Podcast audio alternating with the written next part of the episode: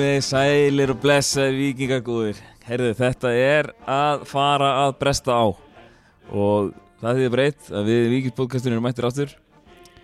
Og við erum mættir hérna, ég sjálfur Ívar Orri og, og Jói er hérna á græðunum. Sælir. Með okkur kvöld er hann Halldór sem ætlar að vera með okkur í sumar. Já, sælir og blessaði drengir Velkomin til leiks. Velkomin. Já, gaman að vera komin Já, við verðum sérst, það verða, verða fleiri rattir í vikingspodcastinu í sumar. Við ætlum aðeins að, að reyna að rúla þessu mennir uppteknir og það þarf að, einhvern veginn að, að manna þetta. Þannig við ætlum að rúla þessu meira á millokkar og, og, og bara fá fleiri skoðinir og fleiri rattir og bara líf og fjör. En við ætlum aðeins að, hérna, núna stefni það að næstu helgi þá byrjar, er fyrsti leikur í deild. Þá fer Pepsi Max deildin loksins að rúla. Mjög skrítið að vera að tala um fyrsta leik bara í kringum 17. júni. Já, þetta er mjög langþrá tímabil Já. sem er að fara af stað núna Og sérstaklega í vetur, það voru margir vikingar sem hafa horfið fram til þessa tímabils uh, Kallamegin með, með sko miklum spenningi Ég, ég held ég geti bara fullirt að það hefur verið engin vikingur allavega af okkar kynnslóð verið jafn spenntur fyrir tímbili eins og núna.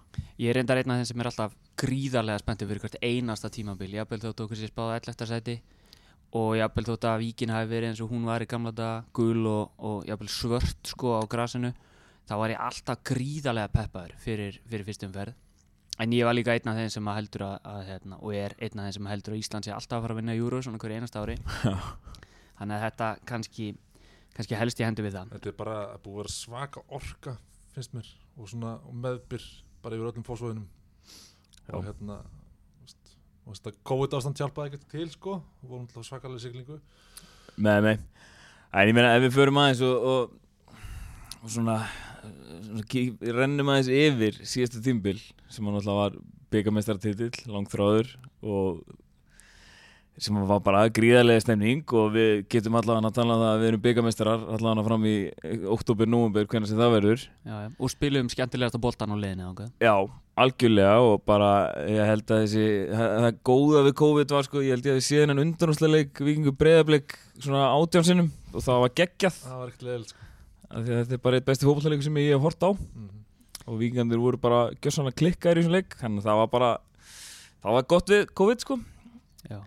en eh, annars var sko ef við tökum hérna byggamestartitil svona út fyrir sviga aðeins og tölum um tímabilið þá þá endum við í sjöðarsett dildinni okkur að, eftir að okkur að vera reynda spáð svona á bylunu 9. til 11. bara af flestum fjölmjölum okkur var spáð mjög neðarlega í fyrra Já, uh, endum í sjöðarseti og hvað, við spilum það var 22 leikir ég held við unnið sjö gert átt, sjö jafntefli og tapa átta. Þetta var mjög jæmt og uh, vissulega þá endur við tímabili í sjöfundarsæti en í síðasta leiknum þá unnum við í að rústuðum upp á skaga og við það hoppum við upp um tvö eða þrjú sæti þannig að já, sko, deildin var náttúrulega galinn sko.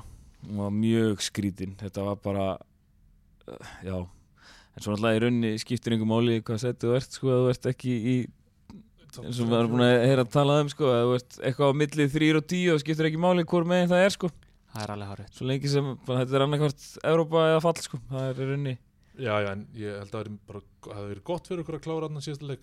Áttum liðilt rönnóta eftir byggjurúsleikin.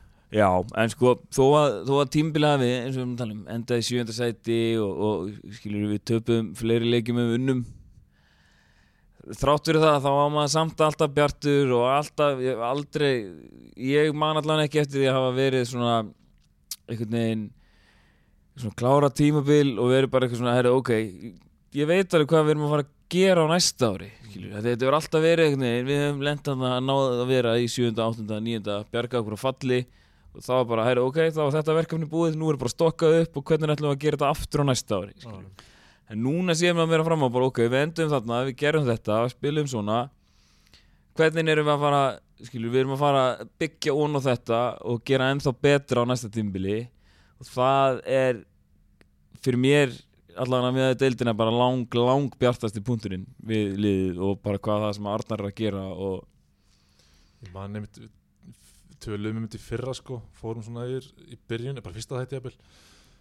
Vorum mikið að velta fyrir okkur myndi skora mörg. Mm, Ég held að við myndum, væri bara fjettustu varnar múrinn og, og miðuna og Já, áttum, heldum að við erum erfleika með að skora.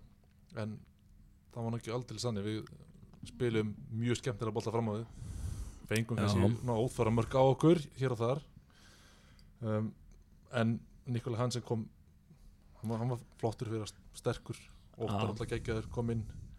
Já, sko, Guðmundur Andri var okkar markæsti maður fyrir það Hann var með eitthvað sj- sjö mörk í áttaleiki með eitthvað. Já, 7-8, já. Já, svo held ég að Óttar að vera næst markæsti með fimm mörk í áttaleikim mm Eitthvað sirka og svo var Níko var með fjögur Ég held að Gústi hafi skora fjögur. Já, Já, þetta dreifist ákveldlega Já, en, en e, það eru kannski fleiri valmöguleikar fyrir þetta tímabil núna frammi. Já, ég meina Já, Óttar Magnús bættist við á miður síðasta tímabili. Við erum komið með Helga frá fram sem að sem að lofa góðu það var ekki markæsti í fyrstildinu fyrir það Það var- það voru, Jú, já, hann var já, hann og hann gróttu já, voru jafn, skorur ekki jafn mikið það? Jó, Já. hann var per leik. En allavega þeir eh, hérna, en í staðan þá missum við Guðmund Andra og, og hérna, hann er skarfiskildi en en ég veit það ekki, ég held að að, sko hugafarið er allt annað núna heldur en það var já, fyrir rúmi ári síðan fyrir fyrsta leik hérna í, í Pepsi Max deildin í fyrra og það er svolítið gaman ég gerði það gamni um daginn eh, fyrir káleikin að rifja upp sko síðustu æfingaleikina sem að voru þá fyrir fyrsta leik í, í Pepsi-deildinni sem að voru held ég að ég færi rétt með æfingaleikir út á Spáni við Já. Grindavík var það ekki. K.A. Og ég held meira að segja að fyrsti sigurinn okkar á undirbúinustímabilinu á síðasta ári hafi komið í leik á móti, já það var í þessar æfingarferð þar sem að hitlið var meira og minna allt með magakviss vegna þess að það hefði verið hérna það hefði verið einhver ónýtur kjúklingur á hótelinu? á hótelinu og vikingar unnu og maður gætt fagna því en hitlið kvartaði strax undan því að þeir hefðu meira og minna allir hérna verið ómögulegir í maðurum Bara með einhverja matareiturinn og hvað þessi já já en ég meina að þú vinnur leikin, þá vinnur leikin Það er rétt, það er rétt. En ég meina svo ljóðlega líka á síðast tímbili Við heldum við gunni leikvinni áttundu fyrir sko. Nákvæmlega. Ég held að það var fyrsti sigurleikurinn komið í hús.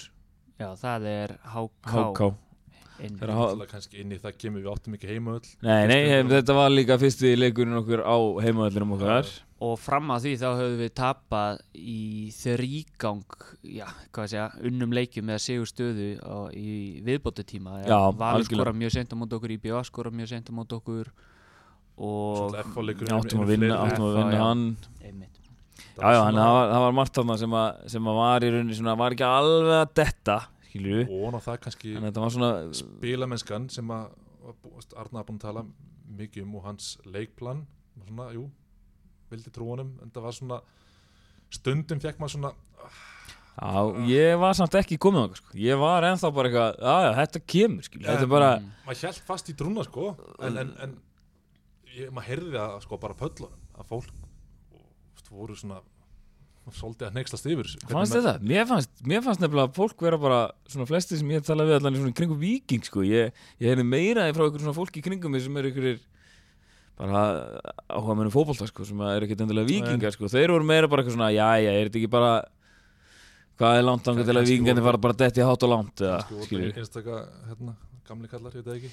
Erum við, erum við þá að segja að Arnar Gunnlaugsson hefur rauninni tekið öfugan loga í svona fyrstu 7-8 leikinum sínum vegna þess að vikingarnir unnu engan leik en þeir spiluðu áferðafallegan bolta og fólk konur og menn voru að kaupa það að meðan ég veit ekki hvort muni eftir þegar Lógi Ólafsson kom inn á miður tímabili fyrir hvað 3-4 árum síðan og þetta var kannski ekki fallegast eða skemmtilegasti bolt í heimi en við töpum engum leik í, ég veit ekki, sko 7-8 leiki.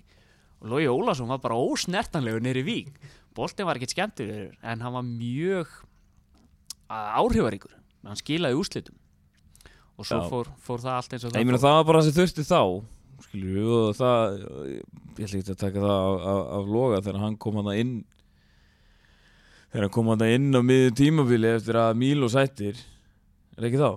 Jú, Jú, þegar hann kemur inn þá þá er náttúrulega bara það er ekkert að setja út á það sem hann gerði með lið í kjölfari á því, sko, finnst mér Nei, mér fannst hann bara ekki. koma inn og bara minni að erfiðum aðstæðum Já, og gerði, gerði, það sem, gerði það sem að, hérna, var ætlast til á honum að en hann var beðin um að reyna að halda liðinu bara uh, í efstu deild sko. Og það var eitt með loða, maður var alltaf mjög örugur með hann.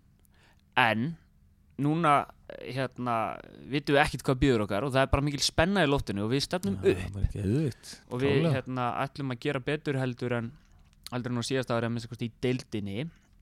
Og jafnvel að lifta byggar aftur eða byggurum vegna þess að, að kvennalið vikings það er líka farið af stað og þær spiluðu stórkostlegan leik skils mér. Við gróttu uh, á mánudaginn 8. júni um, í uh, fyrstu umferð mjölkubyggarskvenna og þetta var víst ótrúlegu leikur. Já, lenda 2-0 undir bara mjög snemma. Um, ekki satt? Jú og Nadia Alladóttir er, er hetja vikings ekki nú með að hún skori í öfnunumarki í, í viðbótar tíma heldur uh, klára hún þrennu í framleikingu og, og hérna vikingu vann 5-3 reynda spiluðu manni fleiri hérna frá því síðari háleik en vel gert. Og góð innkoma á Nadia Alladóttir hún er uh, komin í viking uh, komum fjölni og hérna verður spennandi að fylgjast með henni í sumar og, og núna fyrst að vikingur er komin með kvennalið þá ætlum við að sjálfsögja að fylgjast já fyrst að, fyrst að kvennalið heitir núna bara vikingur sko. En það er búið að taka þetta skástrík í burtu og, og við erum, erum, vonið vikingar Nákvæmlega. Og sam, samkrulli er, er hérna, því er hætt þannig að nú Já, já, erum já. við bara eh, með viking báðum megin. Já, og uh, ætlum að fylgja stelpunum að sjálfsög eftir í sumar líka. Já, þær eru í fyrstöldri Ling, Lingjudeld kvenna Já, tóku sæti HK sem var ætla HK Vikingi en Háka tók sæti annar flokks í A-deild held ég. Já, eða. Ég held að það hafi verið í HK er rauninni í annari, eða er þetta í sétild Já, þeir bara byrja bara í næstu deild í rauninni eins og þessi bara byrja på nýtt. En ég heldur hafi tekið sko sæti annarflokks kvenna í A-deild. Já, já. Já, ég skilji, einmitt, einmitt. Ég held að það hafi verið sko Dýlin Já, ég held að skipti ekki nefnir dóttið þannig. Og það er bara flott og við þökkum bara hákangu fyrir þetta samstarf. Þetta var bara lang, langlíkt og flott en, en núna erum við, erum við aftur, eru stelpunar okkar aftur og bara vikingstelpunar Já, það er gott að þurfa ekki lengur að kera upp í kór til þess að horfa á, á HK Viking spila Við fögnum því. Við fögnum því. Já. En snúum okkur aftur að, að þessu, þessu tímabili sem er að fara af stað núna og svona undirbúningnum. Það, það, eins og við, það eru einhverja breytingar á leikmannófnum Guðmundur Andri farinn. Hvað með kýfarinn? Kwame Kví er farinn. Uh, svona já, þetta er svona Guðmundur Andri og Kwame eru kannski þeir, svona, þeir sem að fóru sem að voru spiluð eitthvað svona stórt hlutverki fyrra og, og, og voru með eitthvað svona sess í liðinu þannig. Um, þeir eru var Helgi Guðjóns komið frá fram Atli Barkason hann kom frá hvað, Bröndby eða eitthvað? Uh, Freðristad Fredrikstad, ok Ingo Jónsson komin í markið. Einmitt, það er mjög spennandi. Já, Og svo eru hérna leikmenn að koma aftur um, já Batti er komin úr á láni. og, láni. og Halldór Jón Sigurður. Já, maður er með öll nöfnin. Ég, ég veit bara Halldór Jón Sigurður ég veit aldrei hvers svona hann er. Já, en, en þeir eru komin aftur hérna úr, úr lánum og það er spurning hvort að, að þeir spili eh, stóran sess eða stóra rullu í liðinu í sumar eða, eða fara að lána aftur eða, já, ég held að ég held að það muni bara koma sér koma sér ágætlega að vera með svona þokkalega breiðan hóp í sumar. Það verður spila mjög þétt og, og, og gott að geta verið með, með fleiri skrokka sko. Nákvæmlega. Það þarf eitthvað aðeins að, að hrókera til og, og kvíla aðra menn. Uh, en svo náttúrulega er það alveg svona að það, það mætti setja inn í sviga þarna í komnir fyrir mér, mætti setja Óttar Magnús og Kári Ándarsson að það munar um það að vera með leikmenn allt tímabilið. Nákvæmlega. Það er hérna eins og nefndum aðan Óttar kemur inn á miður tímabilið spilar átta leiki skora fimm mörg Nákvæmlega. Sem er ágætis endurkoma sko. Einmitt. þannig að, að munar það að vera með hann allt tímabilið og, og Kára sjálfsögðu líka En uh, ég meina, svo er eh, spurning hvernig þessu verð þá í rauninni stilt upp vegna þess að sko núna erum við náttúrulega komni með það stóran hóp og við getum rauninni stilt upp tveimur 11 manna liðum eins og var gert í rauninni í þessum æfingarleikjum móti gróttu og móti stjörnunni líka held ég eða það var kannski ekki skipt öllum 11 þar. E, sá ekki þann leik? Nei, ég sá grótuleikin það sem að öllum var skipt út af í hálfleik. Já, og þar er henni stóð bjöliðið sig betur heldur en alið Já, Þeir eru unna að minnsta kosti sinn hálfleik og meðan alið hafi tapað sínum hálfleik. Já, algjörlega, en það var nú líka í þeim leik þá var verið að, að gæla við þessa blessuð þryggjamanna örn og það voru þeir sem áttu að vera áttu kannski, ég veit ekki hvort hann hafi verið að vinna með wingbacks en ef það, svo var sko þá voru wingbackaður örvar og allir hrappn mm þeir voru bara kantmenn sko. Já, og þetta var alveg fljótt að breyta mér fannst, mér fannst svona hólningir á liðinu fljótlega að það fór Arnar bara og breytti þessu í fjörumanna línu sko. Já, hann setti Viktor Andra í hæri bakverð þegar Gróta komst í 2-0 held ég eftir, hvað var það, hálftíma leik. Það er Viktor Örlig Já, kom ekki Viktor Örlug Andrarsson í, í jú, hægri jú, bakvörð? jú, jú. Og allir Haldursmóri fór aðeins utar Já, hann kom þá að í vinstri, vinstri bakverðin kom, fór aðeins utar þar. En í þeim leik þá sáum við kannski það sem að ég veit ekki, menn voru að menn og konum voru að tala um og við óttuðumst svo sem að, að hérna, Kári og Sölvi og þeir sem eldri eru eru ekki alveg ja, fljótir að ná sér eftir eftir svona hyggst eða svona fjárveru eins og þeir sem eru yngri. Og þeir voru þeir voru ekki alveg kvikir sko. þeir litu illa út í, í þessum fyrirháleikum út og grút það verður bara að segjast eins og er. Já, í rauninni bara allt liðið svo sem sko. Já, fannst mér, mér fannst ekkert já fannst engin, engin einhvern veginn geta gengið stoltur frá þessum fyrirháleik sko. Nei, En svo kom setna áleikurinn og þar hérna, hafa skipt algjörlega um lið og, og Helgi Guðjóns kom inn og þá var hann bara með fjármanna varðalínu og, og, og Logi kom inn í vinstri bakurinn og greip sér tækifæri fannst mér mjög vel. Hann var mjög, mjög flottur. Já, það er spurning hvort að þessi grótuleikur hafi verið fæðingin á, á nýju samstarfi sem að, að hérna, við erum þá að sjá í fyrsta skipti sem að er, er hérna, Logi og, og Helgi. Að Logi lagði upp tvö, ja, lagði upp eitt fyrir Helga og, og svo kom hann á víti. Já, hann var mjög, mjög flottur hérna í, já, í já. vinstri baka Helgi, Helgi líka svona, svona strækir sem hangi bara í aftast manni. Ég veit ekki hvað, hann var oft rángstæður hana áleik en hann bara hangir í aftast manni og hann bara tek fyrir alltaf. Já, hann er alveg í því að stinga sér inn fyrir sko. Sem er alveg eitthvað sem að Óttar Magnús eða Nikola Hansen gera ekki jafn mikið, þeir eru meiri að fá boltan í lappir þannig að erum við komið með svona aðeins öðruvísi öðruvísi strækjar, öðruvísi nýju sem er svona já, gefur okkur önnu vopn. Mm sem að þarna sem að getur alveg nýst gríðilega vel. Mhm, og við sáum, sáum það til dæmis bara við förum bara úr einu í annað þetta þegar við tökum okkur atvik sem við sáum til dæmis bara í káurleiknum eiginlega svona besta færi okkar vikinga var þegar það, var mitt spila bara nokkuð direkt og bara boltinn gekk bara mann á millagi og það var stungið sér inn fyrir. Já, þegar, þegar Gústi slapp inn fyrir hann fyrir áleik einmitt. Og helt hlaupa rattakanum aðeins og lenginni. Já, já, uh, og náði ekki að slúta því. En þannig að það er eitthvað sem að Helgi, Helgi Guðjóns getur gefið okkur. Já, og ég nákvæmlega held að hann, það sé alveg hægt að spila honum út á veng svo sem líka sko. Einmitt. En ef að við sko förum þá aftur í, í hérna grótuleikin, hann vannst sem sagt á endanum um, hvað var ekki, 3-2 Jó, eftir að hafa verið 2-0 undir þangað til í viðbóta tíma í fyrirháleik og svo er næsti leikur eftir það er uh, annar markaleikur og annar sigur á móti stjörnunni. Jó. og þar átti Óttar Magnús Karlsson ágætis hérna innkomu og Viktor Örlugur Andrarsson svo sem líka. Skoru sér hvað tömörkin já.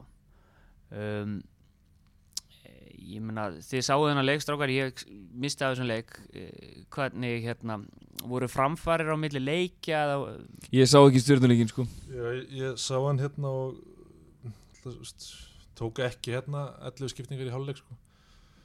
Skipt fyrir en kannski svona 55 minnum mig mm en mér fannst þið spila bara virkilega vel og hérna gaman svona já, aðeins meiri trú að verðum komnir þetta langt með kannski grótuleik um, já, voru að tengja vel, sækja vel spilu sinn bolta og hérna, já virkilega ánæði með þann leik sko.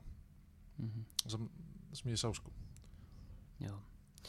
Um, náttúrulega gott að sigra uh, og, ég meina, og gott líka að vinna svona lið eins og stjörnuna sem að er þótt að þetta sé æfinle- æfingaleikur og þótt að hérna, þeir hafi síðan tapað fyrir leikni mm. e, eftir þetta þá er þetta samt þú veist, þú ert að vinna eitthvað nafn þú ert að vinna lið sem er spáð í topparóttunni eins og, eins og okkur. Já, ég meina það er búið að tala mjög mikið um að deildin sé skipt í, í top 6 og neðri 6 og, og við erum mjög sem top 6 og stjarnan er það líka og, og þannig að það er, já, það er rétt þú segir, mjög gott að, að, að klára leika mútið svona liði mm sem að er svona spáð því að, að við sem að vera í ykkur baróttu við. Já. Og já eins og ég segi Óttar Magnús skorar tvö mörg uh, þar af eitt stór glæslegt mark úr uh, aukarspinnu Já, hann leiðist ekkert að fá spinnur þarna sko. Nei, nei, þetta myndi á myndi nú á aukarspinnu að bara svipuð með að jafnvel nákvæmlega saman stað í undanúslutum á móti breyðabliki í eitthvað, skora hann ekki tvær að þrjár svona aukarspundur í bara eftir að koma heim í fyrra? Já, já. held ég, ég þarf að skora Ekki stjörnunni Já, ég, ég man ekki að móti hverja það var sko en hann allavega á þessum stað bara á, á Já. þetta mark. Já, já, líkunar er með honum Já, segir maður sko. En þessi leikir eiga það samvegilegt að þeir voru spilaðar á gerðugræsinu í Víkinni og síðan á sunnudaginn þá mætum við í frostaskjólið á heimaöll KR og spilum þar síðasta æfingarleikin okkar sem við erum búin að ákveða að kalla æfingarleik Já, já, síðasta æfingarleikurinn og, og þetta var öðruvísi æfingarleikur heldur en hinnir á þessu undirbúinistímabilinu að því leitinu til að, að þessi leikur var á grasi. Og maður tók svolítið eftir því Já, já, að það háði vikingum að þeir voru ekki að spila á rennislettu gerðgrasi já og þeir voru alveg augljóslega svona í smá, smá stund að komast í svona almennilega takt við það og, og svona allar móttökur og sendingar voru svona kannski ekki alveg kvikk og, og, og, og hraðar eins og við erum vön að sjá þá þegar þeir spila á teppinu í, í víkinni. Mm -hmm.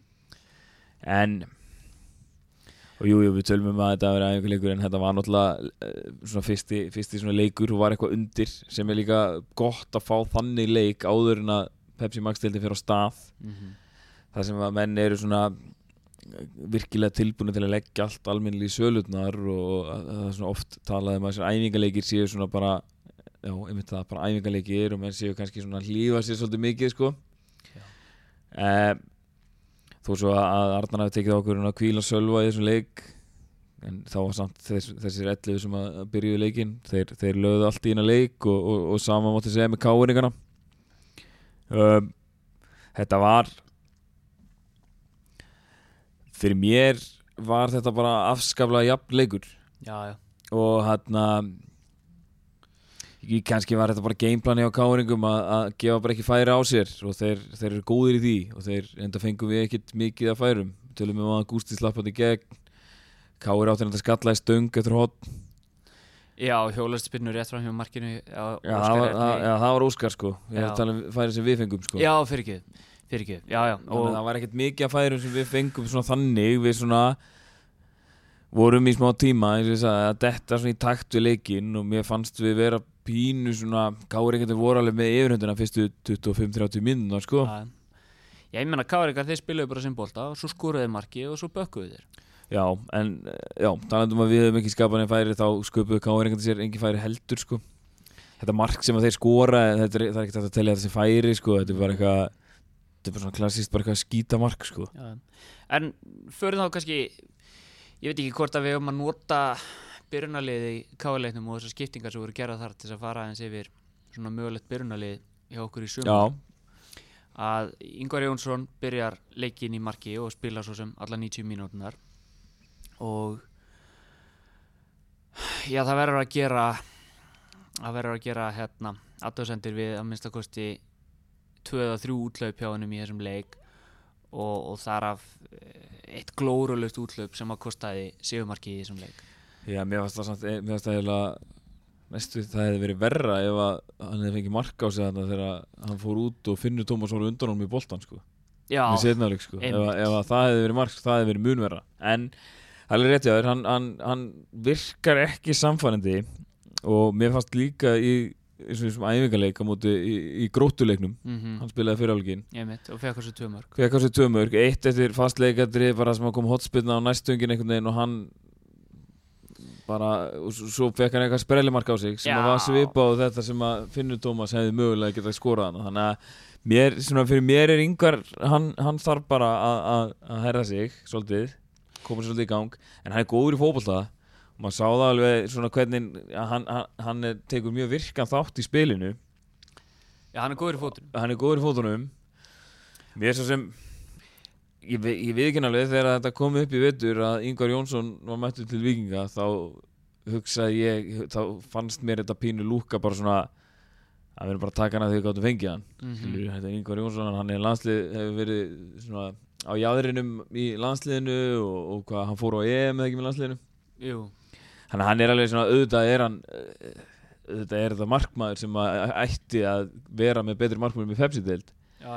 En skil, mér fannst, mér fannst Þórður bara standa sig mjög vel í fyrra sko. En vandið við yngvar er kannski, sko ekki sá hann sé ekki nógu góður að stoppa skotin og þannig heldur ekki sá hann sé ekki nógu góður í fótunum en þess að við sáum það og það reyndi svo sannarlega á það í þessum káleika og voru stuttasendingar á milli að Mhm. þurfti að leysa úr pressu og svona. En við sem að sátum þeim megin sem að KR markið var skorað við heyrðum ekki í honum. Nei, bara, sátu bara mjög nálægt sko. Kári skalla boltan upp og er raun að búa sig undir það að fara í, í annað innvi, í annað klás þegar yngvar allt í hennu botar í öxlina á honum og, og hérna allar að vaða út í boltan og Kári vissi ekki neitt, hann hafði ekki heyrt neitt af þessu. Og það er, Nei, nei. Það er bara það sem við köllum eftir að yngvar hérna láti í sér heyra. vantar þetta svona presens skilur, eins og þú segja skilur. ég vill heyra í markmannunum upp í stúku í einhverju svona atriðum sko. Nákvæmlega. En sko burti frá því ég held að, ég held að þó hann hefði mætt þarna og öskrað úr svo lungur svona þegar ég hugsa um þetta svona eftir á sko þá held ég að, ég held að Kári var ekkert einnig stöðu til að fara eitthvað frá henni skilur þá hann bara keirt veginn í Kára. Hann, í þessu atviki finnst mér hann hefði bara að halda sig á línu sko og lefa bara Kára að fara upp í boltan sko. Einmitt. Af því að Kári er líklegast að, líklegur til að vinna flest alla í þessari deild í loftinu sko. Já. sérstaklega þegar boltinn fer bara svona upp í loftið sko. Einmitt. Þannig að ég hef ekki að skrifa þessi mistök bara á um, kannski reynslu leysi hann vantar bara að stilla sig betur saman Já, já, ég held að það sé alveg 100% að yngvar mun byrja á sunnudaginn í fyrsta leikamöndu fjölni. Og hann mun gera það og hann mun fá fleiri leiki en, en, en þessa sko Einmitt. en ef hann, ef hann uh, tekur sér ekki, eða skilur nær, nær sér ekki að strik þá held ég að Arna Gunnlaugs sé, hafi ekki, sé ekki trettur við að henda Þórði í markið sko því að Þórður skilaði sínu vel í fyrra og hann, bí, hann býður bara graður á bekknum sko sammála. það er líka heldur ekki eins og varmarspæðan okkar sé sko í bjöliðinu í þriðaflokki Nei, sko, við höfum aldrei verið jafn vel mannaðir markmannslega held ég sko. Þannig að við erum þokkalega vel gerðir þar finnst mér. Þriði markmaður hjá okkur er Emil Andri Auðunsson, hann Já. er á láni er það ekki, Er það? ég held Volánan Já, Já, hann er ungu strákur, ég held að fættur 2000, 2001 eða eitthvað 2000 en hann hefur ekkert verið seldur? Nei. Hann, já, nei, hann er, hann er mjög, mjög efnilegur. Hann var valinn besti ungi markmaðurinn í Európu á Mercedes-Benz mótinu fyrir nokkrum árum Hár síðan. rétt, hár rétt uh, sætla minninga.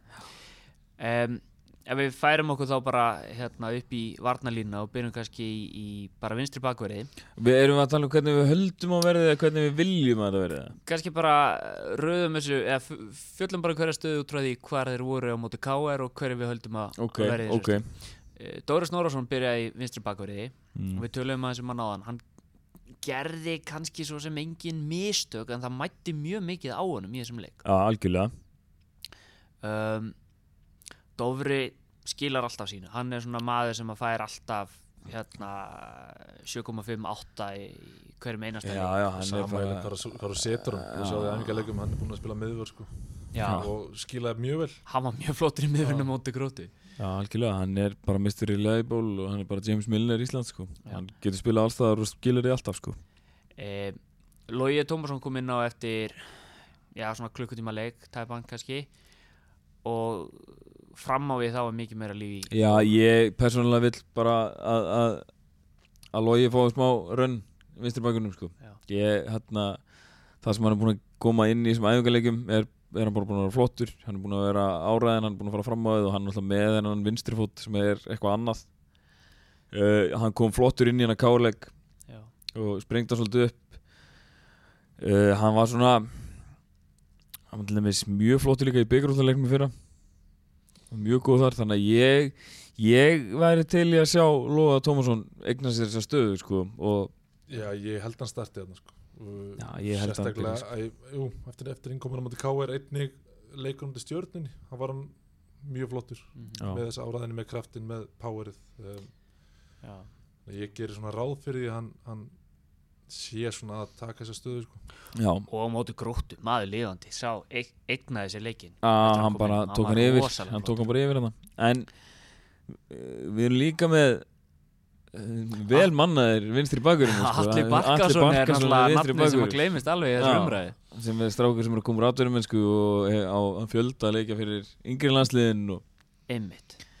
Um, já, ég menna það er spurning hvernig þessu verður rótera Já, ég bara verð að segja fyrir varandi hann, sko, ég bara hef séð eða lítið sem ekkert á hann sá hann í þessu setna til gróttu þar sem hann var að spila á miðjunni. Já, og bara var fýtt, var bara flottur skilur, hann var bara stóð sér bara vel ekkert út á hann að setja þar en, en ég bara, eins og ég, bara get ekkert dæmt um það, fyrir mér er þetta á milli loga og dofra núna sko og persónulega myndi ég vilja sjá loga það ég velti fyrir mér út af þessum reglubreitingum núna í sumar að við fáum fimm skiptingar í stæðan fyrir þrjár. Mm. hvort að vinstri bakururinn verði ekki bara staða sem að verði mjög reglulega skiptum. Og Logi og. Dóri munu kannski bara skipta þessu svolítið bróðulega með sér í sumar ég Já, er að minnsta kosti með Loga í mínu liði í, í hérna draumalisteildinni þótt að ég sé ekki endilega viss um hann byrji leikina þá, þá held ég að hann muni skila með fleiri stegum í hérna draumaliðsbóltanum en,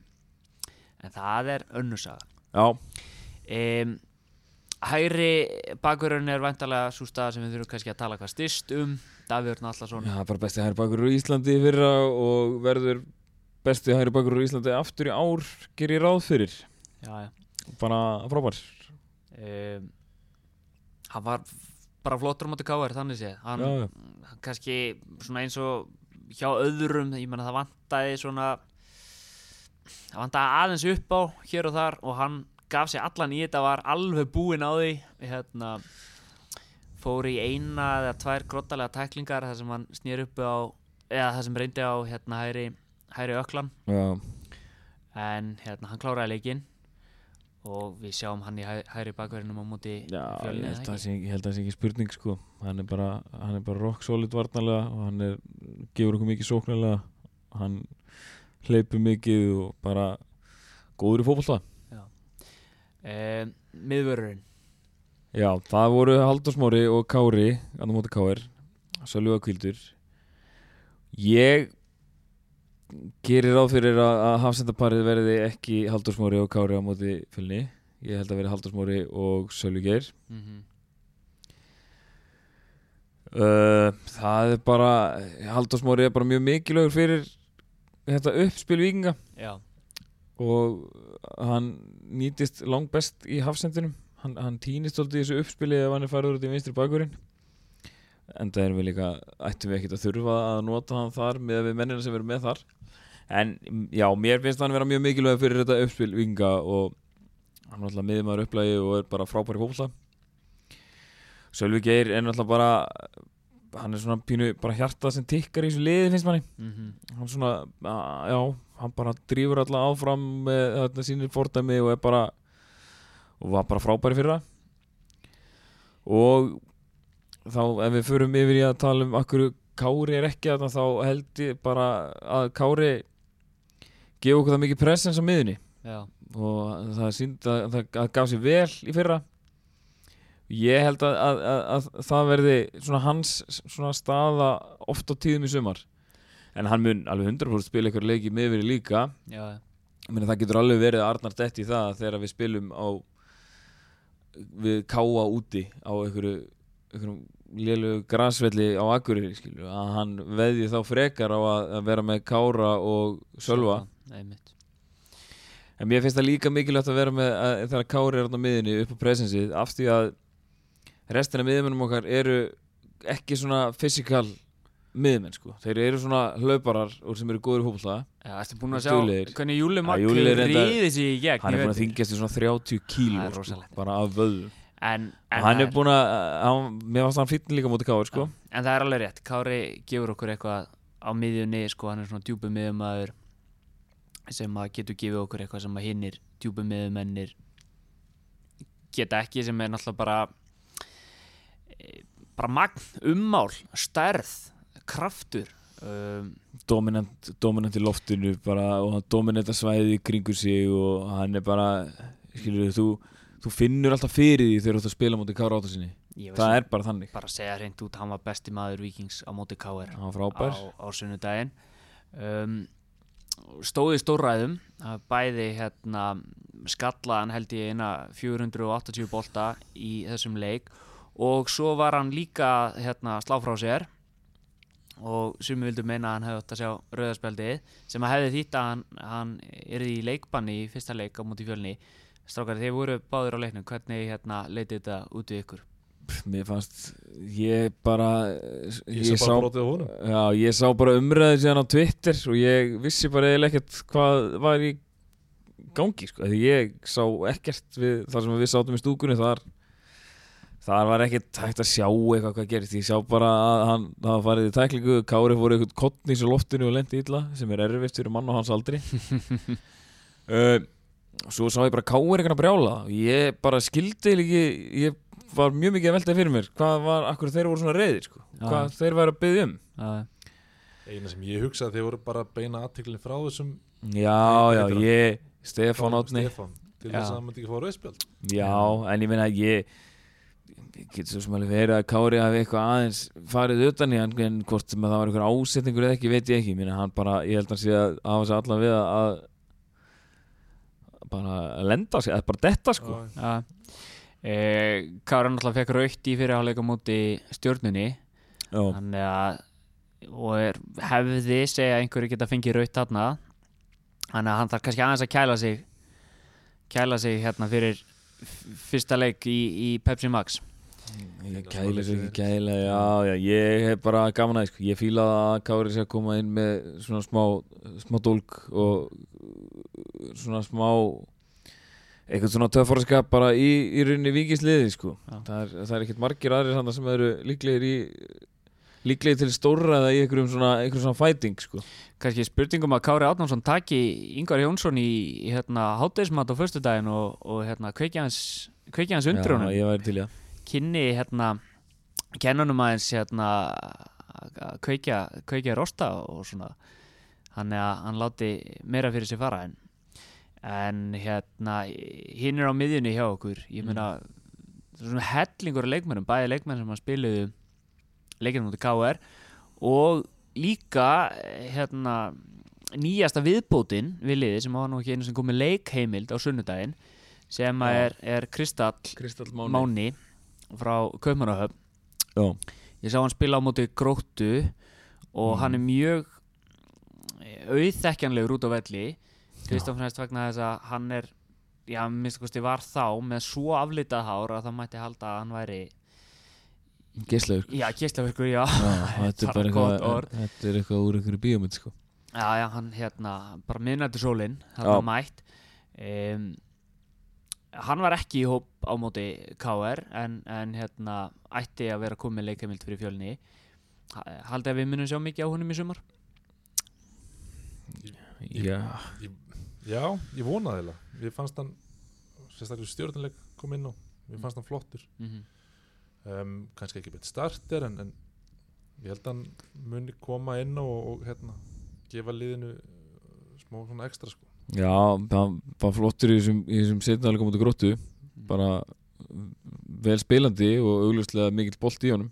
Já, tekniskur, tekniskur strákur og ekkert sá, ekkert sá stæðsti og, og ekkert, ekkert svona þannig líkamlegt presens einhvern veginn inn á miðunni en, en hann góður fólta og mm -hmm. ég, já, ég held að hann muni fá hellinga mínútum í sumar og hann er bara að fara að auka breytinni okkur, það er bara gott sko. Þú, þú talar um það að hann er ekki sá stærsti en hann er, með, hann er góður í boltanum. Erum við bara með of marga leikmenn inn á miðunni og kannski fram á kanta sem eru bara of svipaðir? Ég, eh, það, ég er alveg pínu þar sko. Mér finnst til dæmis svona í fljótu bræði þá finnst mér þetta er nú, ég er að dæma þetta á því að hafa séð uh, Kristall spila einn háluleik sko Mhm. og eitthvað svona, en mér finnst, mér finnst hann og, og Viktor Örlugu til dæmis ekkert ósvipaðir sko, Nei. þeir eru ekki stórir þeir eru svona léttleikandi miðmenn sem eru kannski frekar í fínu hlutunum sko Já. snúningum inn á miðunni og, og þræða boltan og eitthvað svona Mhm. góði sendingamenn og eitthvað en, en þeir eru ekkert jú, auðvitað geta þeir farið í tæklingar og eitthvað svoleið skilur, en þeir eru ekkert að fara að búlja menn Nei, maður tók svolítið eftir því í káaleiknum að hérna, það var svona eins og með, með, með, með mennir hjá okkur væri bara væri bara aðeins og litlir. Já, ég meina þetta var hann á miðunni í þessum leik voru þeir, Júli var svona djúpur Júli Magg og, og svo voru fyrir framann hann Viktor Örlugur og, og Viktor Örlugur og hver var hann líka á miðunni? Já, Ágúst Eðvald, hann var líka á miðunni og hann var svona fyrir framann svona meira í svona tíunni léttlingandi hluturki og en svo fannst mér að þetta verið svolítið flæðandi hann var líka alveg komin út á kantana og þeir voru einhvern veginn svona rótur þessu einhvern veginn en Leikurinn á móti Káar var svona leikurinn svona ef og hefði svolítið fyrir ágústæðald vegna þess að maður sá rosalega mikið á honum hvað hann sko langaði þess að vera hetjan hvað hann var að reyna mikið og þetta bara gekk ekki hjá honum á sunnudaginn. Sko, já, bara að við tölum bara hreint út þá fannst mér hann bara vonlaus í þessum leik sko. Já, Hann hljóp ógeðslega mikið og já. það vantar ekkert en það kom nákvæmlega ekkert út úr hún nei. En ég veit ekki ég, ég sá hann að leik og ég hugsaði þetta er bara einn af þessum dögum. Já, bara já. alveg stöngin út leikur hjá hann Já, já, og ég menn hann er líka þannig leikmann að þú vilt samt ekki taka hann út af sko, því að hann er, getur komið bara að poppað upp með eitthvað á hann getur verið týndur í 85 myndur og poppa sér hann upp með eitthvað snild sko, af því að hann er geggjaður í fótbolta og er ógeðslega fljótur. Sammála, við viljum samt fá meira frá honum allan að miða við tímbili fyrra. Ég vantar svolítið mikið endprodukt Hann er rosalega góður í að, að hlaupa með boltan og klappa honum og, og, og gera eitthvað svona taka eitthvað svona fintur sko en það vantar svolítið upp á endprodukti hvort sem það eru stóðsendingar eða mörg nákvæmlega. Um, Viktor Öllur Andrason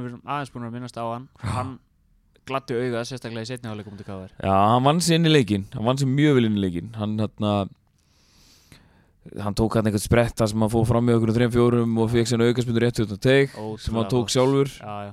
uh, en, og setti hann í veggin en svo fannst mér hann líka bara hann svo örugur á boltan, hann fær boltan á miðunni og er að snúa skilur, er að snúa menn af sér losa, skila boltanum vel frá sér kemur honum út, dreifir spilin út á kantana. Mhm, mér finnst hann bara drullu góður sko. Mhm. og ég, ég held að við munum sjá miklu, miklu meira honum í sumar heldur en í fyrra sko. Já, ég, ég vona það. Ég, já, ég- ef að ég væri að velja mér hérna númer aftan á treyju og við væri með nafn aftan á treyjunni þá væri hérna Viktor Örlegur einhver til að fylgjast með og setja, setja hérna nafni aftan á treyjunni og nafn og hvað, 13 Spilum Já, ekki 3 ég held að spila 3 mútið 13 Já, En já, svo var þessi leikur með, fyrir, fyrir Ella Erling Agnars var líka svolítið eins og síðasta tímabil líka. Bara áræðin flottur skilur og var viljur gekk ekki alveg nóg vel upp alltaf sko, nei, svolítið týndur. Já, já. Allir hafn í raunni fyrir sama flokk. Já, bara spurning ef að allir hafn væri aðeins hvað segja, hann væri ekki svona innfættur ef hann, hann, hann treysti ekki svona mikið bara aðra löppina. Já að háðunum svolítið, hann var oft komin í fína stöður og þurfti að snúa tilbaka í staðin fyrir að vaða bara á, á markið sko, eða geta gefið hann beint inn í. En svo var, ég skil, Óttar Magnús var líka ekki alveg nógu vel tengdur í þessum leik. Nei, bæði þá bara var hann hann var oft kominn á okkur staði þar sem að bara vel niður á miðlínu einhvern veginn að sækja boltan og sem að maður vill, vill hafa hann mun nær markinu og hann er alveg þannig leikmann hann vill fá boltan í lappirnar og, og, og, og halda honum með menn í bakinu og hann er náttúrulega algjört skrimsli í því. Skilur menn rökka það á honum og hann heldur boltanum mjög vel en hann var ekki alveg að fá svona það var ekki alveg nóg mikið að koma út í ég veit ekki hvort það bara verið að káringarnir hafa bara náða að loka það vel á það en ég meina þeir spiluðu sinn varnarleik frábælega og djúpi miðmennir þeirra voru mjög góður í leiknum bæði Finnur Tómas og hérna nei Finnur Orrisig og Artur Ingi. Já, svo nákvæmlega náttúrulega var Finnur Tómas og, og Arnur Sveit sem að og Arthur og, og Arthur og Arnur og Finnur og Finnur. Já, Þetta- já, Já, enginn bara spilið hann leik bara nokkuð vel. Já, mér fannst það. Gáðu enginn vel lítið fá færi á sér. Já, varnarlega gerðu þeir mjög vel í já, þessu já, leik. og það sem skiptir máli skilur þeir skoruðu þetta eina mark Já. og, og þeir unnu titil. Já, já, algjörlega. En sko í síðari hálfleik þá kannski skipti Arnarinn mönnum sem að gætu hjálpað óttari betur í þessum aðstæðum þá er ég sérstaklega að hugsa um Nikolai Hansen Já, sem að kemur hana inn og, og helga sig hana einhverju, einhverju marki. En þetta er kannski spurning eins og Nikolai Hansen var beitt í byggarúslutaleiknum í fyrra að, að hérna það var það hægt að senda þess að háu bolta upp og Nikolai Hansen fer í skallaboltan og svo getur Óttamagnús tekið tekið boltan þaðan. Í staðin fyrir að við séum að gefa upp á Óttamagnús mhm, hann sé að fara í, í einhverja baróttu eitthvað klafs og hann þarf að skila boltanum af sér einhvert og ef hann þarf síðan að skila boltanum hvort sem er aftur bara sko, leng, lengst aftast sko, í einn margteig þá er ekkert mikið með þessu unnið.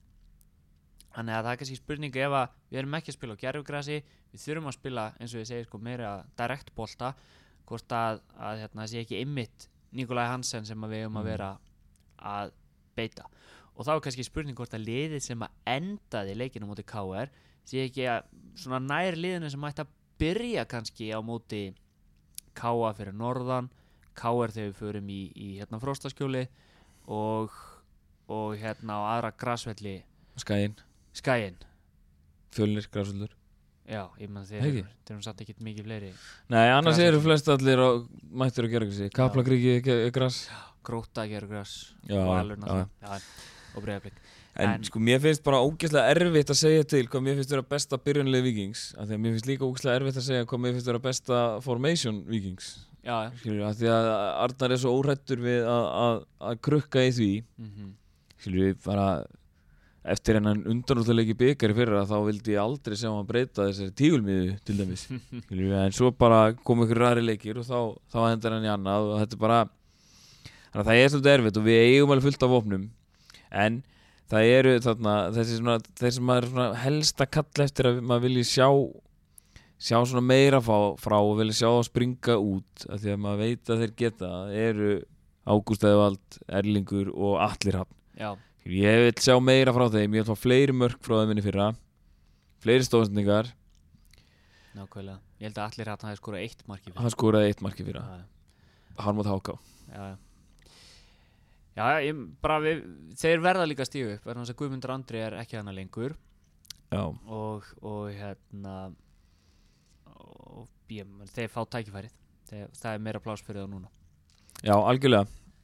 Sko, já, mér langar að þarna aðeins að bæli einu. Óta Magnús, til að með maður hann skoraði fimm mörg í átta leikjum í fyrra. Uh, Fyrir einhverjum árum með það þá skoraði hann held ég sjö mörg í tóluleikjum þannig þegar hann kom heim og fór síðan strax áttur út. Mm -hmm. Erum við að fara að sjá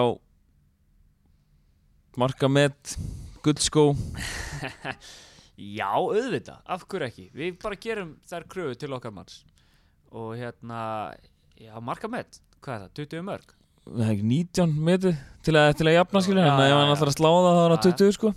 Já, ég kannski er ekki nú að bjast inn á marka kóng en ég vil allan sjá hann fara 12-13, þetta mörg já, Já, hvað er það, við erum vikingspodcasti, við gerum bara kröfu til okkar manna. Já ég, sko, ég, alveg, ég held að Óttar Magnús sé að setja þá kröfu Já, að, sko, algjört lámark á sig sjálfur sko, Já.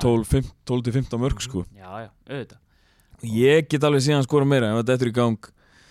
Að því hann er bara, hann getur skora hann getur skora, mörg, hann getur skora allt skilur, hann getur verið gammur í tegnum hann getur skorað með skotum auðvitað hann er sterkur í loftinu, hann er góð frábær slúttari. Mhm.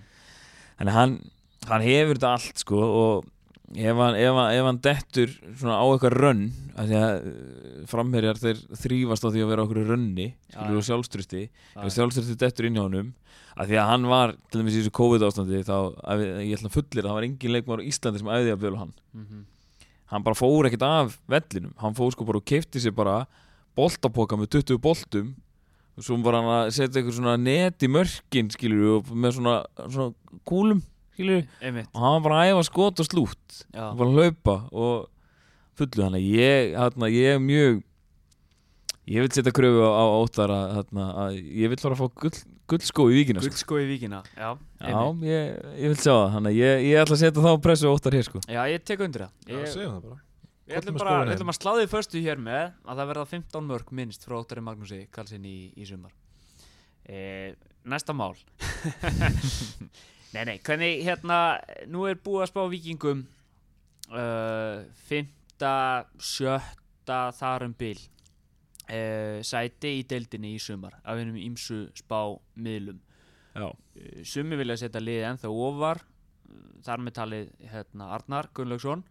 Sumir og vilja setja það allir leikmenn liðsins. Já, já, Já, að þeir tala ekkert um neitt annað. Nei, nei. Og sumi vilja setja liðið niðar Hvar, hérna, hvað sjáið þið fyrir ykkur strákar í þessu? Sko, ég held að við séum ekki alveg komnir á þann stað að vera að fara að berjast almennilega um titilin Mm -hmm. auðvitað getur mótið spilast þannig og það getur bara það getur bara dottið, dottið í hús skilur einhver, brjálu Já. ég held samt að svona það sé fullt mikið. Ég ég vil sjá það bara gera alvöru aðlugað og klára bara Európa-sæti ok, ég, þar, þar, þá er því ég alveg gríðarlega sáttur við tímbilið ef það er, er klára það. Mm -hmm. Í sammála, ég held að toppurinn sé svona ekki alveg það sem við jú, jú, getum það alltaf en Mhm. smá óraunhæft en ég held að þetta þriðasetti sem ég held að það væri bara frábært fyrir vikinga og vikingar Mhm. eru mjög sáttum með það. Ég elska það samt sko að Arna Gunnlaugs og leikmur Víking séu að fussa sveigja yfir okkur núna sko og séu bara að, að hlæja þessu og bara auðvitað við að fara að berast um hann titil skilju Já, ég, ég, ég þetta er bara frábært að vita til þess að Arnar og leikmenni sé að hlusta á okkur núna, það er bara frábært. En uh, ég menn akkur ekki, við, bara við skjótum á okkar sæti og svo sjáum við, hérna, nú er þetta allt til á upptöku og sjáum hver við endum í, í hérna, haust Hvað segir þú Valdur? Hvað finnst þér? Ég ætla, pff, ég sagði hérna áðan, ég er alltaf bjart sín um, Ég ætla að leiða mér að vera það líka kannski ekki Íslandsmeistarar en uh, segjum já, segjum fjórð segjum þriðja sæti Já, ég er til í það, ég er til í það segja, ég, Þriðja ég, sæti. ég, ég sættu mig þriðja og ég myndi sættu mig fjórða svo lengi sem það gefur örbu Já. Sammælustu það? Já, já. þri- þriðja, þriðja seti. Spá Víkings podcastins er svo að uh, Víkingur muni lenda í þriðja sæti í deildinni í, í sumar og fáum Európusæti vantilega út á það. En, en nú erum við náttúrulega líka að fara að taka þátt í Európukeppni í haust vonandi. Já, Hva, hvernig hérna munum að sjálfsögðu tala meira um það þegar nær dregur. Já, já. En við ætlum líka að spá fyrir um það. Hversu langt fyrir við Európustrákar, hvað segið þið? Ég ætla að býða þangað til að við erum að sjá hvernig, Hvort það verður spilað. og hvað, hvað, hvað, hvers slags drátt við fáum sko. Já, komast upp úrstens komast áfram á fyrstu umferð held ég sé bara bara mjög gott sko. Já, já, já, bara, ég vil bara fá þess marga örbuleikið ég get, skilur ég er sjúklega peppað fyrir að, að vikingar sé að fara að spila í Örbu Já, já, við erum að fara að skella okkur í hópferð strákanir og, og allir saman til uh, Já, en skilur, erum erum við að fara í eitthvað svoleist, bara þetta gefur gíðu eða eitthvað, Já, sjálfsögðu sko. Já, já, já, já, þá. um, En uh, En uh, Hvernig megin Mm. hvaða, hvaða spá setum við fyrir stelna hvaða kröfu gerum við til þeirra? Sko, það er greinilega gríðarlega stemning í hópnum hjá þeim. Og það eru hérna það eru búin að vera með eitthvað svona leikmannakynningar á Instagram og það er er voða mikið af svona einhverjum ungum uppöldum stelpum og það er, það er svona stemning í liðinu, síns mér. Þannig að ég ég held að ég ætla að segja að það er verðið svona ég ætla að segja að verðið svona kringum miðja deild og blandi sér aðeins í, í þessa baráttu um að fara upp sko. Já, Leng, ég, lengu deildar kvenna það er kannski svolítið bratt alltaf spá þeim upp Já, ég, held að, ég, ég held að það verði alveg svona ég held að það fari ekki upp en ég held að það verði svona þeirra bát svo verði svona í, í Já. svona aðeins að pússa á það sko. Já Já, ég menna og svo er spurning hvað hérna, hvernig hinn liðin í, í deildinu eru stemd ég held að hvað er ekki Keflæk sem fór niður sem er náttúrulega ennþá gríðarlega vel manna lið mm. en kannski líklegast til þess að, að klára hérna, það á mist, tónum. mistu náttúrulega sinn al besta leikmanni fyrra sem var skoraði öll mörkin þeirra Hvað, en það er ekki ennþá hana með S- Svein, Svindísi? nei, hún fór, hún fór í breðablík Nú, hún skoraði öll mörkin þeirra fyrra það en, en nú aftur það að að ég gerir ráð fyrir hún væri hann áfram. Já, nei, hún, En hún það er bara sóknartæki Það verið er fyrir okkar konur það er rétt, í, það er uh, í lengjudeildinni þannig að við bara já, við, þær þær munu klára sig vel frá þessari deild. Já, já, það það mun gera það og þetta verður bara gaman. Ég er allan að sjúklega spenntur fyrir fyrir þessu sumri og, við erum alltaf sjálfsögðu bara hvetjum alla alla vikingar til, til að mæta á völlin. Þegar þeir geta það skilur við þá ættir að koma í ljós hvernig þessum, þessum, þessum COVID-reglum hvernig það verður, hvernig því verður framfyllt og, og hvort að það verður bara tekin einhver ákvörðun um að, um að breyta þeim eða hvernig sem það, það mun væntanlega svona þessar, þessar kröfur munu minka kannski eitthvað í, í sumar en En, en kröfunar okkar minka ekkert og þær eru að, að það verði uppselt á alla leiki í víkinni að minnst að kosti á meðan að það eru Ég meina, og, og besta leiðin til þess að komast inn á völlin framhjá þessum fjöldatakmarkunum er að vera með ásmiða að, þeir eru í fórgang og ásmiðasalan er ennþá í fullum gangi. Ég held að þessi hægt að fara inn á tix.is og vesla sér ásmiða hárrétt. Við ætlum reynda samt sem að hérna, reyna að bjóða nokkur um diggum hlustundum á, á völlinu í sumar. Já, þeir sem hafa ekki kannski haft tök á að kaupa ásmiða eða eitthvað Við mynd gáum hérna á meistara-meistarna hérna með að hanga og sá hlustandi var mjög þakkláttur. Já, og við ætlum að hérna að reyna að hendi eitthvað svoleiðis í, í sumar og gleðja hlustundur Þetta er fullkomið fyrir ykkur ásmiða eigundur sem að vilja bjóða uh, mökum eða vinum eða fóreldrum með á völlin Klárlega. En þurfum við samt ekki að gera eitthvað Við láta vera eitthvað svona, eitthvað svona leik í kringu það. ekki eitthvað svona like og retweet. Við erum ekki svara eitthvað svona spurningum og eitthvað svona, eitthvað svona fjöri, þannig Við getum gert það allan eitthvað tíma Við getum já. líka verið með la- like, like leikina. Þið, fylgist með því á Já, samfélagsmiðlum en mér langar, hérna, þú varst að tala um áðan Haldur, áður en við byrjum að taka upp þá vorum við eitthvað svona að velta fyrir okkur. Er eitthvað svona leikmaður svona á síðustu árum sem að við vikingar höfum mist sem að við myndum gera mikið fyrir að fá aftur í okkar lið? Nákvæmlega. Og sko, það er náttúrulega nærtækast að dæmið fyrir okkur allra er væntanlega Guðmundur Andri sem var sammála. Okkar besti maður í fyrra og við höfum eftir að sakna væntanlega. E- einmitt. Fyrir mínu parta þá sakna ég ég sakna Artórs Inga gríðarlega mikið. Mér, mér fannst mjög leiðilegt að, að horfa á hann tækla vikinga á sunnudaginn. Einmitt. Ég vil sjá hann tækla í vikingsbúning og tækla aðra. Mér fannst hann, hérna, mér fannst hann frábæri okkur og það bara sakna, já, saknast mjög mikið. Ég væri mikið til að hafa hann í viking er missirinn af Arþóri meiri heldur en missirinn af Lexa? Fyrir mig, já, ég, mér, mér finnst það. Bara kannski ekki í, í svona sem bara svona vikingur hann var svo mikið ég, hann var bara eitthvað svona kraftur á miðinni og var bara svona mér fannst það svo mikið svona team player sko. aðja, aðja, það er rétt. Hann var svo mikill team player hann, hann vann með sig á TFG Simpson á daginn og kom síðan bara á völlin á kvöldin. Það var, það er ekki hægt að byggja mikið meira. Nei, Ég ætla að henda inn nafni í þessu umræðu sem að er kannski sem er kannski óvænt og óvæntur átt sem er uh, Andreas Larsen.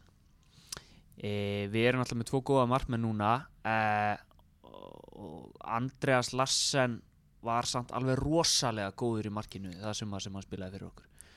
Ég ég sammála því, hann Að var mjög góður. að minnst að kosti eftir leikin á sunnudaginn það hefði nú verið gaman að hafa hann á milli stangana minnst að kosti í þeim leik til þess að halda þessi 0-0 og já, geta síðan öll vítin í vítaspunni sem hefur komið í kjálfari minnur þess hvaða stórleik hann átti á, á káarvellinum fyrir uh, tveimur árum síðan. Já, já hann, var, hann var frábær, það er rétt.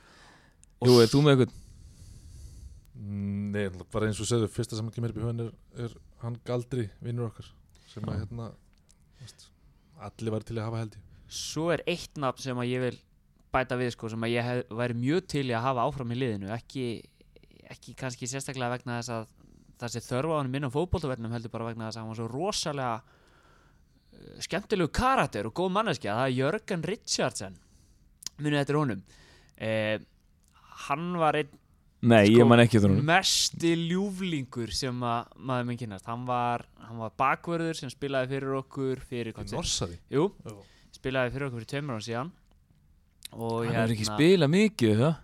Jú, jú, hann hérna var hann var alveg byrjanleis maður hann áður en að áður en að Logi og hann Logi Tómasson hérna byrjaði að kloppa menn og setja hann í saman á hlýðaranda hann er að já, já, hann ég væri kannski ekki til í að sjá hann inn á vellinum en ef ég myndi sjá hann upp í stúku í víkinni í sumar, þá myndi ég hérna, þá myndi ég taka í þá myndi ég svona krækja olbónum mínum við olbóan á honum eins og maður gerir á tímum COVID. Þannig að það er ég ætla að henda þessu nafni inn í, inn í umræðuna.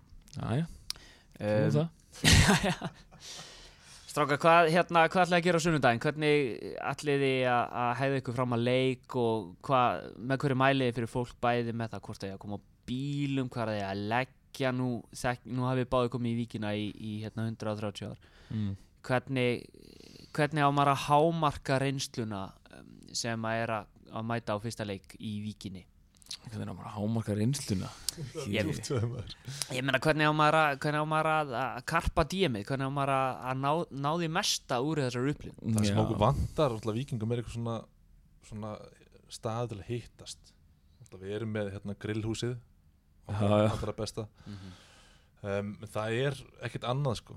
Um, já eins og káringarnir kannski þeir koma allir alltaf völlin þeir að búa allir í kring vikingandi búa allir í kring þeir koma allir á bílum. Vantar mér, fa- já, það verður gaman að sjá svona, svona enska stemningu. Já. Já, já, algjörlega. Þannig að það er kannski bara grill í gardinum og rölda völlin og röld á öllin Já, Mæla með því fyrir alla að minnsta kosti sem búa í, í fórsói og smói svo já, ég, ég hef alltaf að fara að taka, taka grilli Það er þessar bestu hambúrgarnir í Pepsi Max deildinu í víkinni sko. Þannig að það er ekki að grilla einhvern pinnamat heima og mæta svo í borgar það er ykkur tíma tækifæri til að gott tækifæri til að að mæta svangur og leik sko þá er það þurft að mæta í víkinna sko. Einmitt, einmitt. Og uh, láta sér vel í sér heyra í stúkunni. Það er þetta eitt sko, það er náttúrulega krúsjál fyrir alla sem mæta í víkina að mæta með sólgleru Já, það er rétt, það má ekki glemma Það má hann alls ekki glemast sko, þá missir þú bara leiknum að því að það er skín sól í stúkuna allan tíman Einmitt, sem er frábært. Ef þú fyrir góð sólgleru þá er þetta bara, það er góða mál já, þá er þetta bara ávísin á bara gott tann og góða, góða skemmtun sko. og eins og við fórum yfir sko að, ég meina leik þessi fyrstu leikir, þeir geta skipt gríðalegu máli fyrir liði, þetta eru hálfgerði byggarústið leikir hann í fyrstu umferðunum Já, já. upp á það hvort að liði ætlar að fara beint upp á toppi að vera í einhverju móði Ég þetta setur svolítið tónin sko. Það setur svolítið tónin að byrja stert og næ- næla í úslit.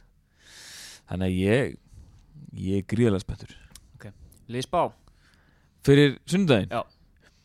Já, ég spái Viking Sigri eh, og ég held að þetta verði ég held að Vikingur vinni 3-0 og hver er skora? ég held að Óttar skori 2 og svo held ég að Helgi Guðjóns kom inn á bekknum og skori eitt. Mjög gott. Jói, Ég segi b- b- b- 2-0 um, Jú, óttar jú. Það má skora eitt og ég held að Kári kom og, og skallitinn mjög gott.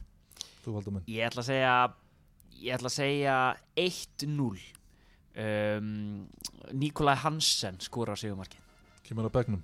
Kemur á bekknum á fluginu og, og hérna, flýgur yfir mann og annan og skallar hann í neti Já, það er bara, mér finnst þetta allt hljóma vel, allt hljóma líklegt. Það kemur bara ljós hvernig, hvernig þetta fer. Og svo heyrustu eftir þann leik. Já,